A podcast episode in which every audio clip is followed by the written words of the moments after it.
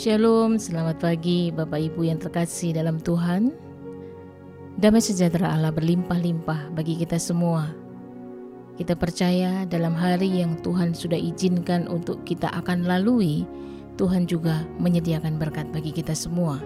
Dan pagi hari ini sebelum kita memulai perenungan firman Tuhan, baiklah saudara dan saya mempersiapkan hati kita untuk kita berdoa terlebih dahulu.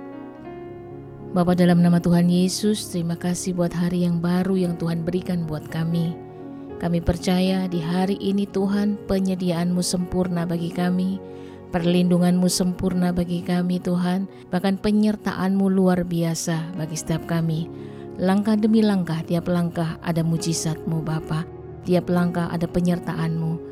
Kami percaya Engkau Allah yang dahsyat, Engkau Allah yang baik. Biarlah pagi hari ini Engkau mengurapi kami dengan urapan yang baru Tuhan, sehingga kami dimampukan untuk menangkap isi hatimu lewat perenungan firman Tuhan yang akan kami lakukan pagi ini. Di dalam nama Tuhan Yesus kami percaya kami bukan hanya dapat mendengarkan, tapi kami juga dimampukan untuk merenungkan dan melakukannya dalam kehidupan kami. Dalam nama Tuhan Yesus kami bersyukur dan berdoa. Amin. Bapak Ibu yang terkasih dalam Tuhan, dalam kitab Yeremia 29 ayat yang ke-11 saya akan bacakan bagi Bapak Ibu. Sebab aku ini mengetahui rancangan-rancangan apa yang ada padaku mengenai kamu. Demikianlah firman Tuhan.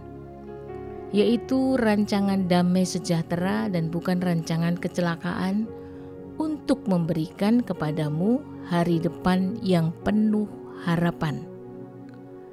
Lewat pembacaan firman Tuhan tadi, kita dapat mengerti bahwa sesungguhnya Allah sudah mengatur segala kehidupan kita dari masa lampau sampai masa yang akan datang. Dari sebelum kita dijadikan di rahim seorang wanita yang menjadi ibu kita, sampai hari ini kita ada, bahkan sampai akhir kehidupan kita kelak. Dia telah punya rencana dan rancangan buat kita. Dan rancangannya adalah rancangan yang indah Bapak Ibu. Damai sejahtera. Sungguh janji masa depan itu ada. Hari depan itu penuh dengan harapan. Amin. Saudara dan saya punya janji masa depan yang dipenuhi dengan pengharapan di dalam Tuhan. Firman Tuhan mengatakan demikian. Tetapi, mari kita lihat sekeliling kita. Pada kenyataannya, memang hidup itu tidak semudah merangkai kata-kata, Bapak Ibu. Ada banyak pribadi anak Tuhan yang gagal dan hidupnya menjadi dalam tanda petik parah. Tidak ada damai sejahtera, kehilangan pengharapan, bahkan kehilangan masa depan. Mengapa demikian? Jawabannya adalah karena banyak yang tidak sabar atau kurang sabar menantikan janji Tuhan itu tergenapi dalam hidupnya. Jangan lupakan bahwa waktu Tuhan itu berbeda dengan waktu kita sebagai manusia. Banyak orang dalam penantian yang relatif lama akhirnya menjadi tidak sabar dan mengambil keputusan sendiri. Bertindak berdasarkan pertimbangan manusia atau pertimbangan dunia, dan akhirnya hasilnya tidak sesuai dengan apa yang diharapkan.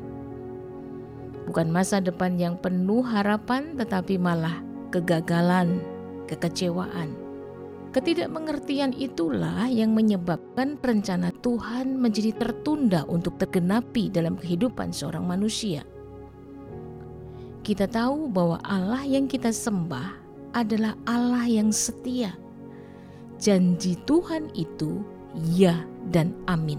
Pasti dia genapi. Tetapi Bapak Ibu yang terkasih dalam Tuhan, semua itu butuh proses, butuh waktu, tidak serta-merta ada seperti iklan-iklan di televisi tentang sebuah produk obat misalkan. Begitu minum belum sampai dicerna sudah langsung sembuh. Bukan seperti itu. ada jangka waktu yang harus dilalui oleh seseorang sampai kepada penggenapan janjinya. Berapa lama? Sesuai waktunya Tuhan, Bapak Ibu. Catat baik-baik, bukan waktu kita, tetapi waktunya Tuhan. Di tengah perjalanan kehidupan kita dalam penantian sampai janjinya digenapi, maka firman Tuhan yang akan kita renungkan pagi ini kiranya menjadi penuntun dan pengingat buat kita semua. Apakah itu? Mari kita baca dalam kitab Perjanjian Baru di dalam 1 Korintus 15 ayat yang ke-58. Karena itu saudara-saudaraku yang kekasih, berdirilah teguh dan jangan goyah. Giatlah selalu dalam pekerjaan Tuhan. Sebab kamu tahu bahwa dalam persekutuan dengan Tuhan, jerih payahmu tidak sia-sia. Kemudian kita baca dalam 1 Korintus 16 ayat ke-13 dikatakan berjaga-jagalah, berdirilah dengan teguh dalam iman, bersikaplah sebagai laki-laki dan tetap kuat. Saudara dan saya dalam melantikan penggenapan janji Tuhan diajar dan diperintahkan untuk berdiri teguh di dalam iman. Ternyata berdiri saja tidak cukup Bapak Ibu ada perintah ganda di sana. Berdirilah teguh. Tidak hanya sekedar berdiri, tetapi harus berdiri dengan teguh. Berarti ada usaha dan kerja keras lebih lagi. Ternyata ikut Tuhan saja tidak cukup, Bapak Ibu. Harus ikut Tuhan dengan keteguhan hati serta keteguhan iman. Bapak Ibu yang terkasih di dalam Tuhan, mengapa kita terus diingatkan akan hal ini? Karena ternyata ada begitu banyak hal yang bisa menggoyahkan iman kita dalam masa kita menantikan penggenapan janji Tuhan itu. Kalau iman kita goyah, kita tidak akan melihat ataupun mengalami janji-janji Tuhan. Contohnya seperti yang sedang kita hadapi sekarang ini, Bapak Ibu. Sudah dari awal tahun kita berada di rumah. Kita sedang menghadapi masalah pandemi COVID-19. Ada begitu banyak ketakutan, ada begitu banyak kekhawatiran, prasangka, praduga, ketakutan akan kematian, ketakutan tertular oleh virus ini. Kemudian kita juga tahu ada masalah perekonomian, ada masalah hilangnya pekerjaan, ada begitu banyak kemiskinan.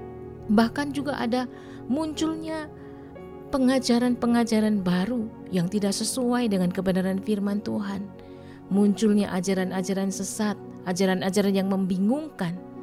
Yang semuanya itu berpotensi untuk melemahkan bahkan menggoyahkan iman kita bila kita tidak sungguh-sungguh di dalam Tuhan.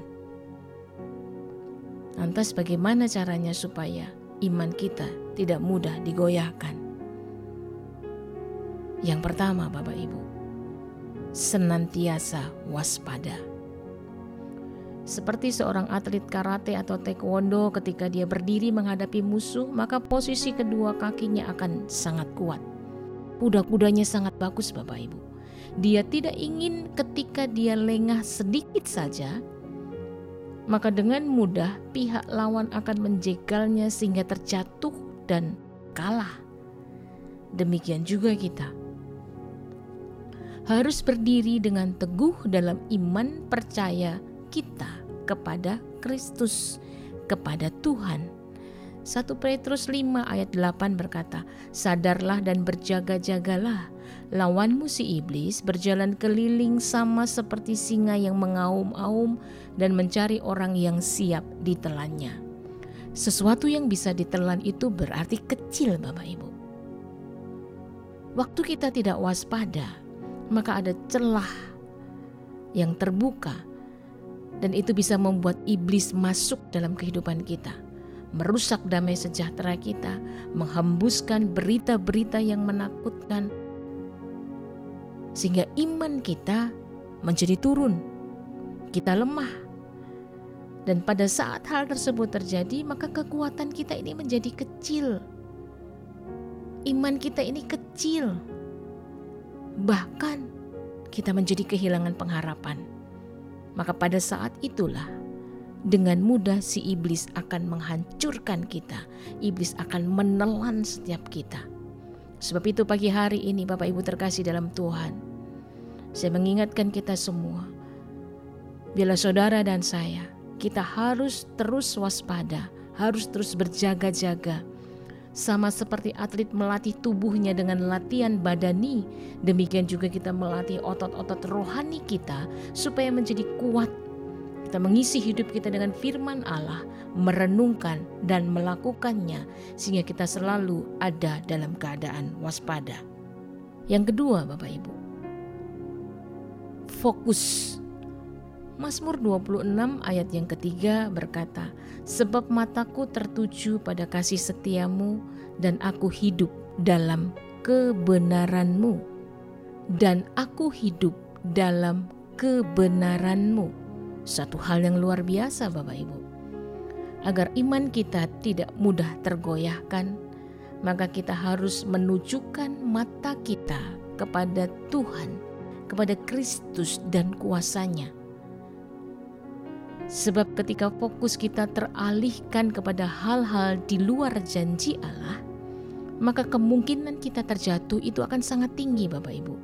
Posisi berdiri iman kita nggak kuat. Mari kita membayangkan, sama seperti orang yang berdiri di pasir tepi pantai Bapak Ibu. Waktu ombak datang menggerus pasir yang ada di bawah telapak kakinya, Ketika orang tersebut sedang ada dalam keadaan fokus, waspada, berjaga-jaga, hanya kepada tujuan, maka kakinya akan teguh berdiri, Bapak Ibu. Ombak itu tidak akan membuatnya jatuh. Tetapi kalau dia tidak teguh berdirinya, maka waktu ombak besar datang menggerus pasir pantai di sekitarnya, maka orang ini akan mudah jatuh terjerembab karena kehilangan kekuatannya. Pastikan fokus kita hari-hari ini di tengah keadaan yang sangat sulit. Fokus kita yang terutama adalah kepada Tuhan dan rencananya. Waktu kita fokus pada Tuhan dan rencananya, maka hikmat itu mengalir dari Tuhan turun kepada setiap kita, memampukan kita untuk menyelesaikan semua persoalan kehidupan kita. Yang ketiga, Bapak Ibu, biarlah saudara dan saya bergiat dalam pekerjaan Tuhan. 1 Korintus 15 ayat 58 bagian B tadi kita telah membacanya.